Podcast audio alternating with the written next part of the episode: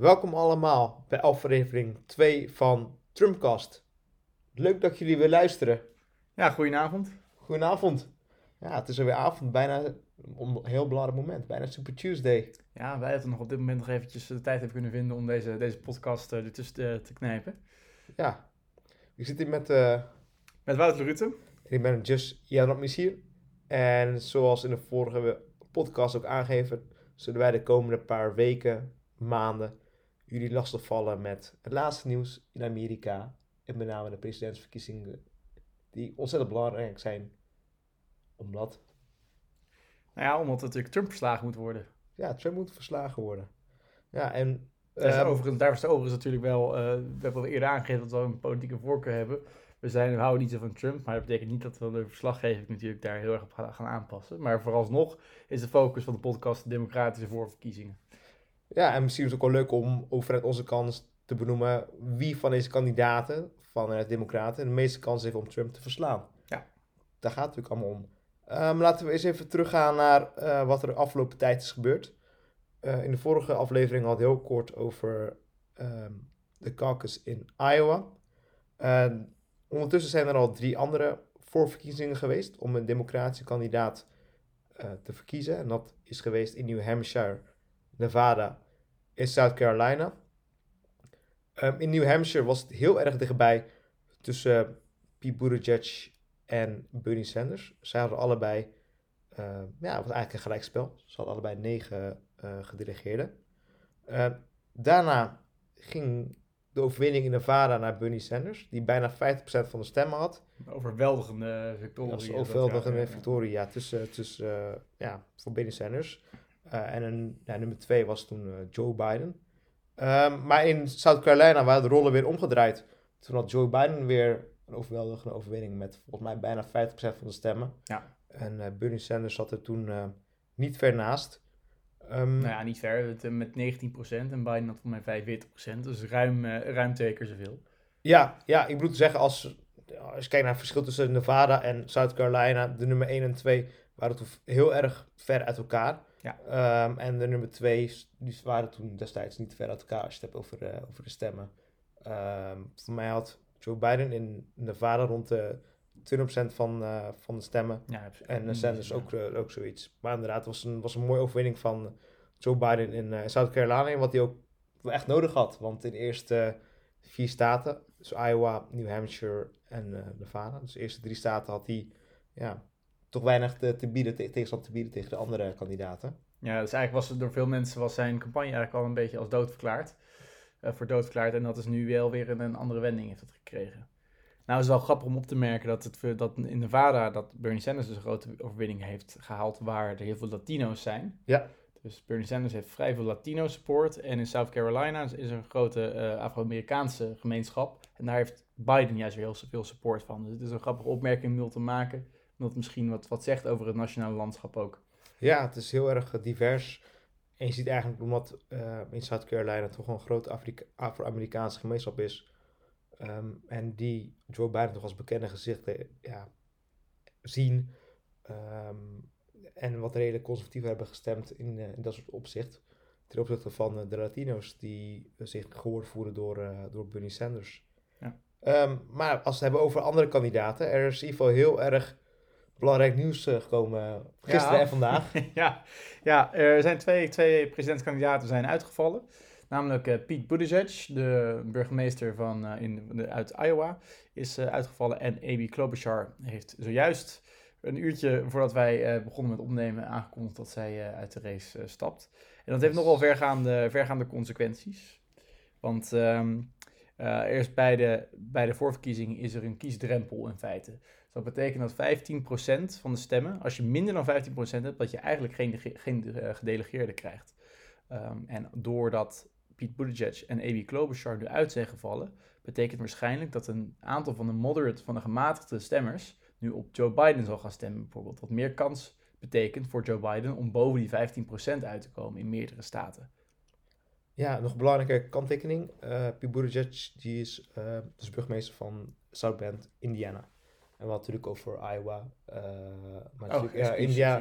Uh, maar dat doet niet weg aan de reden dat, uh, dat ieder geval Pete Buttigieg uh, de verkiezingen heeft verlaten.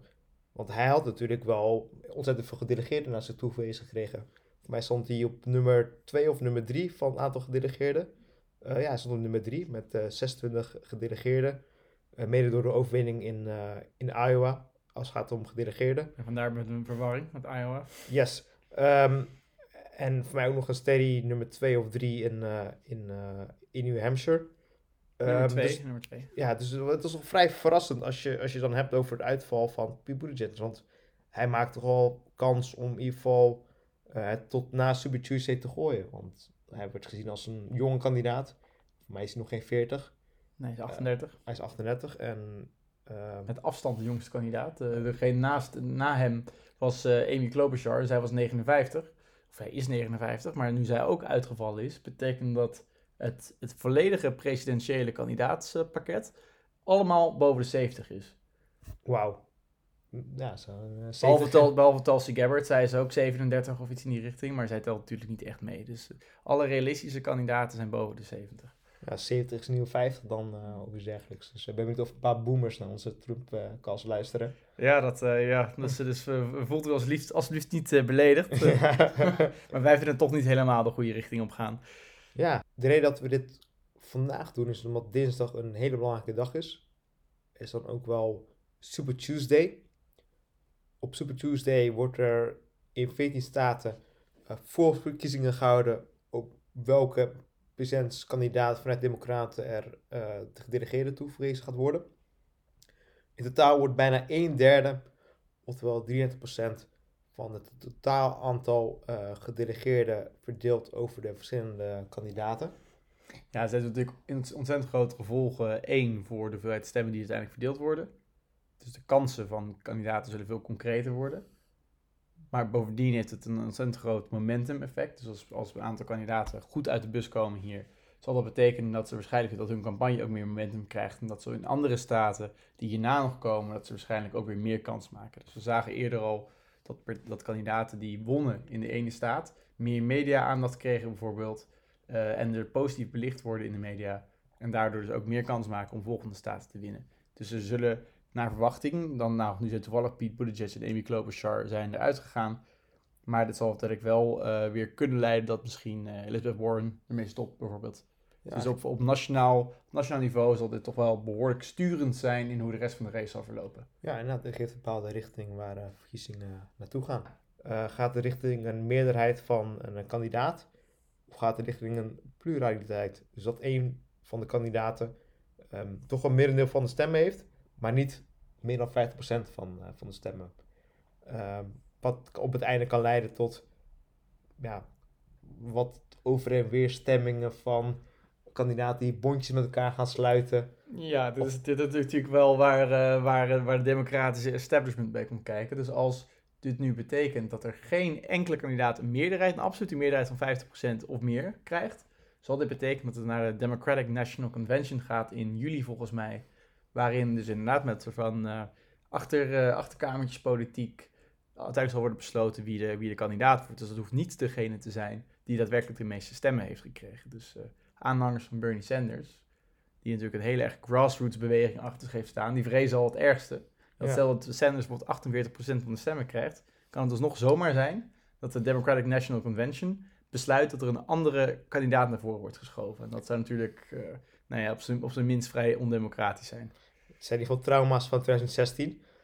Um, dus als Bernie supporter hou ik natuurlijk hard vast en hoop dat uh, Bernie met meer dan 50% winst, wint. Uh, maar ik probeer natuurlijk wel een bepaalde objectiviteit erin te brengen. En Wouter is ook hier voor de, voor de balans van, uh, van de twee. Uh, prijs voor, voor dinsdagavond is Californië. Waar in totaal 415 uh, gedelegeerden moeten worden verdeeld onder de kandidaten. Daarnaast heb je Texas met 228 gedelegeerden. Dat zijn toch wel de twee grote, grote staten. maar ook wel interessant om, om naar te kijken is Massachusetts. dat is de staat waar Warren de senator van is. Warren die doet het niet zo goed.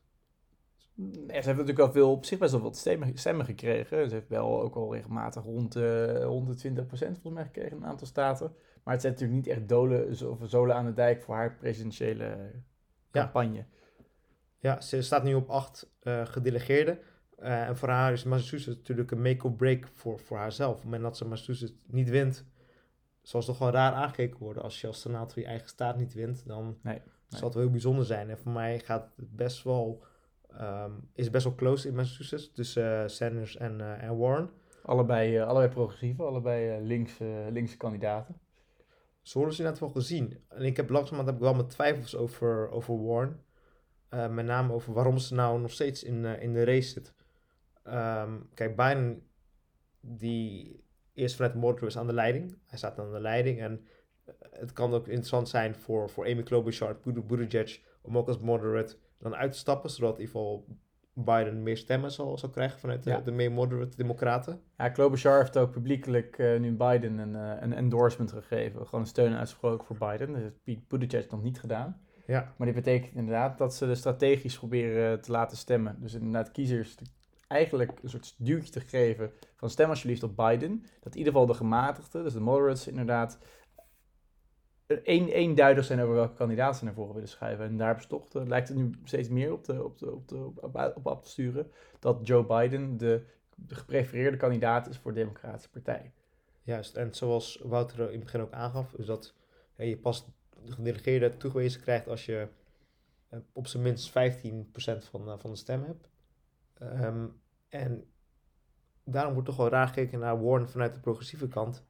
Want ja, waarom is ze nog steeds in de race? Ze houdt eigenlijk alleen maar stemmen tegen voor, van, van Bernie. Ze maakt het alleen maar lastiger om uh, als Bernie zijnde met meer gedelegeerden en verbod te gaan uit een bepaalde staat. Um, zij heeft zelf Amerika vooral uh, daar is in waar ze bekend om. Omdat ze dat ook al ontzettend belangrijk vindt om dat geval doorgeregeld te krijgen in Amerika. Uh, ze ieder geval bekend als uh, de meer nerd-kandidaat ja. in, uh, in Amerika. ja, haar, haar, beleids, haar voorstellen voor beleid waren extreem uitvoerig, wat eigenlijk volledig onbekend is in de Amerikaanse politiek. Om al in zo'n vroeg stadium, ruim voor de überhaupt de presidentsverkiezingen echt van start waren, om al in heel veel detail uitgebreide beleidsvoorstellen te, te schrijven.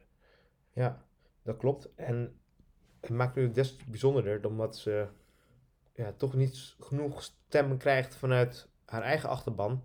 Uh, want die zien betere kandidaten in, uh, of die zagen toen betere kandidaten in, in Buttigieg uh, en, in, en in Bernie Sanders en in Biden. En zelfs Amy Klobuchar, oké, Amy Klobuchar en Warren die waren heel erg dicht bij elkaar.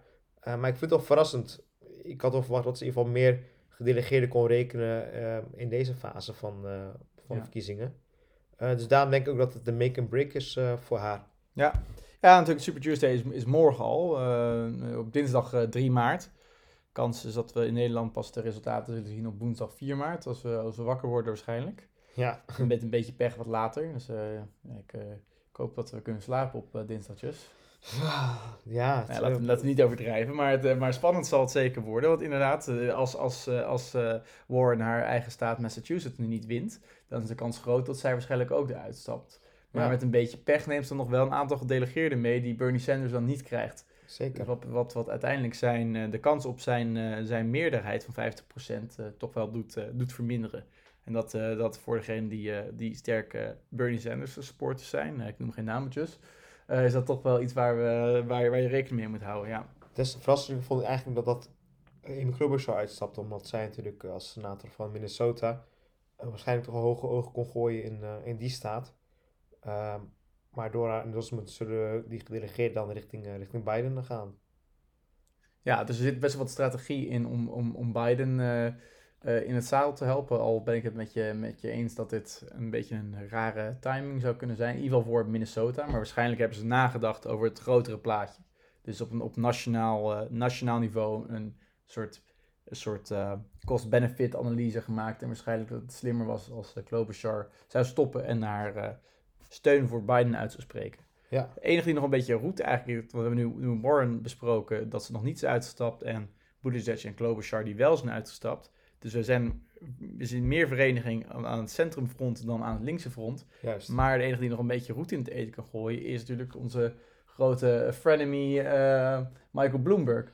Ja, dat is toch wel een hele vreemde eten in de bijt op dit moment. Eh, hij stapt pas vanaf, vanaf morgen in, dus vanaf Super Tuesday. Ehm, hoopt even hoge ogen te gooien in, in heel wat staten.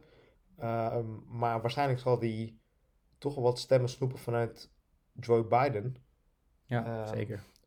Want ja, Bloomberg staat natuurlijk bekend omdat hij ontzettend veel, veel geld heeft uh, verworven mede door zijn, zijn media- en technologiebedrijf.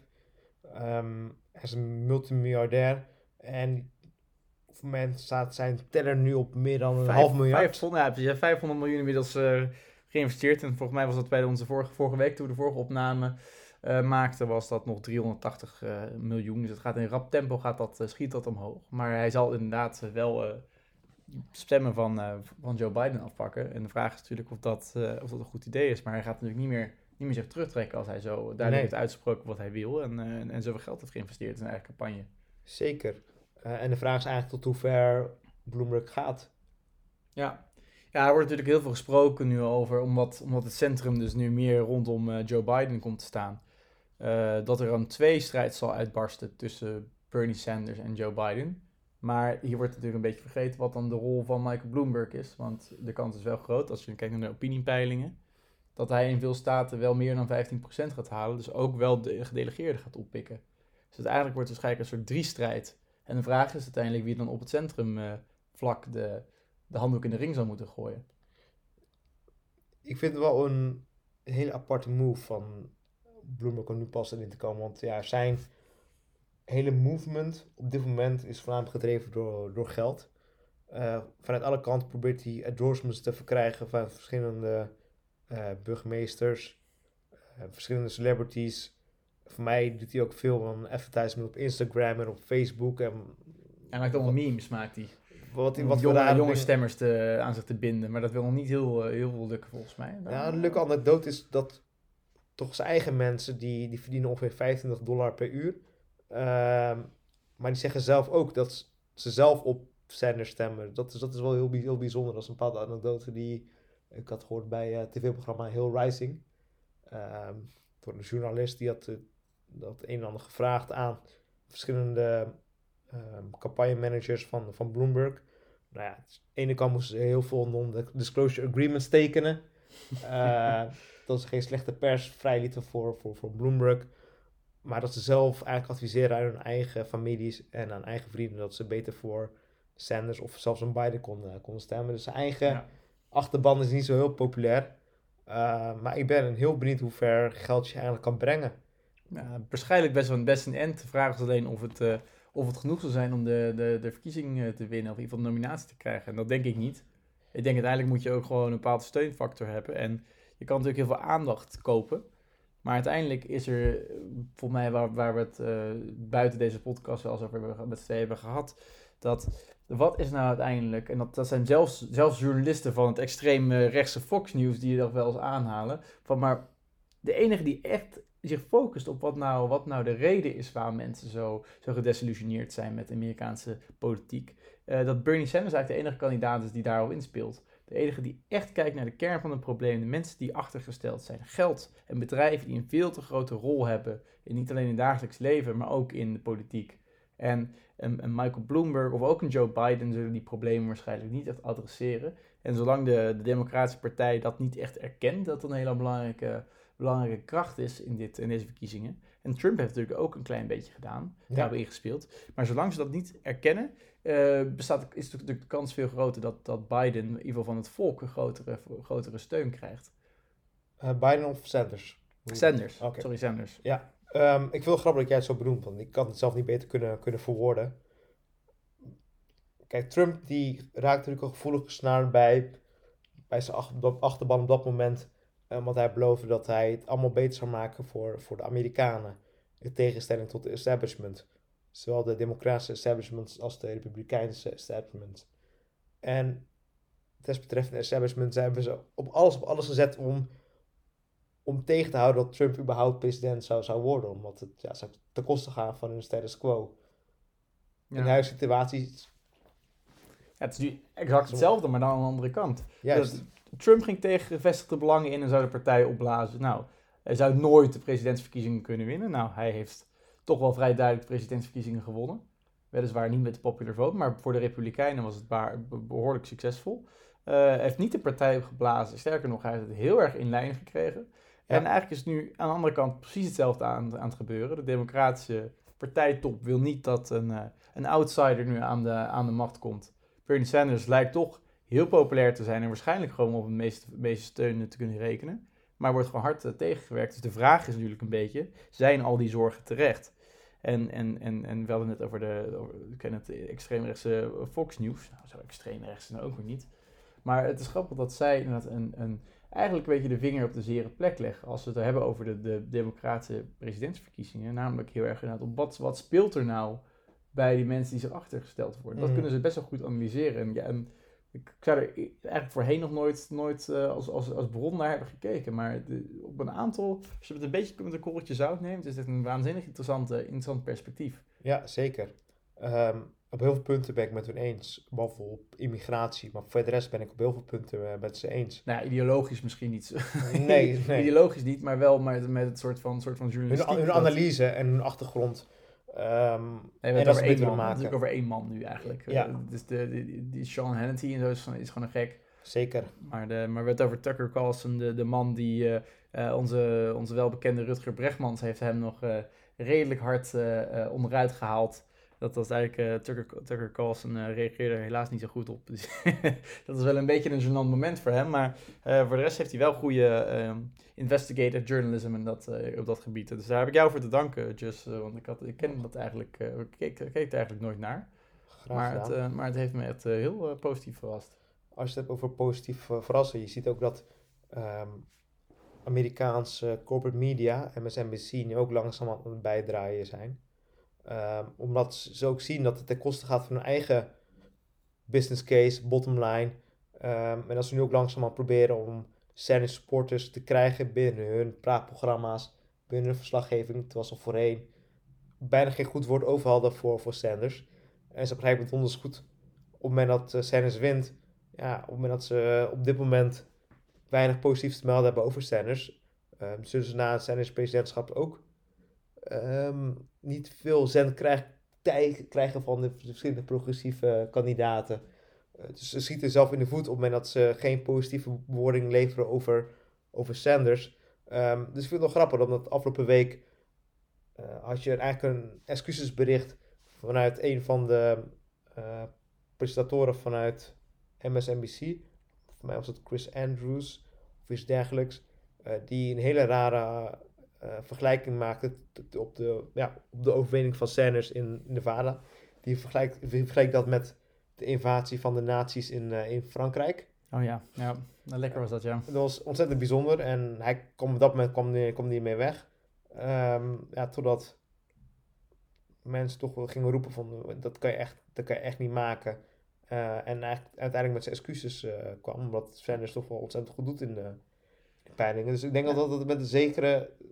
Onvermijdelijkheid dat het langzaam ook wat, wat, wat objectiever nieuws zal, eh, zal bieden. Ja, Laten we even vooropstellen dat, eh, dat, dat we niet, eh, geen, geen Bernie Sanders show van willen maken. Absoluut niet. Ik, niet. ik ben veel minder overtuigd van, van zijn ideologie dan, dan Just. Dus ik zal ook zeker wat, wat nuancering daarop op gaan bieden. Maar er is wel een zekere, zekere, zeker vooroordeel op te Mm. merken in, in media en in de democratische establishment. En eigenlijk in die media is, is, is wel interessant om op te merken dat Fox News, wat natuurlijk nu de outlet is van, eh, van Donald Trump, was in eerste instantie ook tegen Donald Trump. En Ja. die, die zijn een beetje overstag gegaan. Dat gaan we misschien nu ook zien in de, in de of in, ja, ik wil zeggen democratische media, maar gewoon de wat linksere mainstream media. ja, voor Amerika links. Voor ons is het nog steeds... Voor ons is het nog steeds, nou ja, en Bernie Sanders is natuurlijk wel, wel vrij links. Eh, ook voor, voor Europese begrippen. Hij wil een aantal dingen nationaliseren die zelfs in, in Europa niet genationaliseerd zijn. Goed, morgen, Super Tuesday, 3 maart. Er zijn ontzettend veel gedelegeerden staan op het spel. 14 staten gaan stemmen. Het eh, gaat een ontzettend belangrijke dag worden. Ehm, en we ontzettend veel lot bezegelen van een aantal presidentiële kandidaten. En we gaan in de volgende aflevering uitvoerig bespreken wat de resultaten zijn geweest en wat het betekent voor de presidentsverkiezing. We willen jullie danken voor jullie, eh, voor jullie geduld. En we hopen jullie de volgende keer eh, weer te zien. Zeker, dank jullie wel. En op het moment dat je nog vragen hebt of nog bepaalde dingen wat verdieping wil hebben, dan laat ons vooral weten. Ehm, wij zijn de twee gekkies die jullie zoveel mogelijk willen informeren, willen enthousiasmeren over Amerikaanse media. Ehm, maar laat ook ons vooral weten als je bepaalde dingen nog duidelijk wil hebben. Tot de volgende keer. Dankjewel.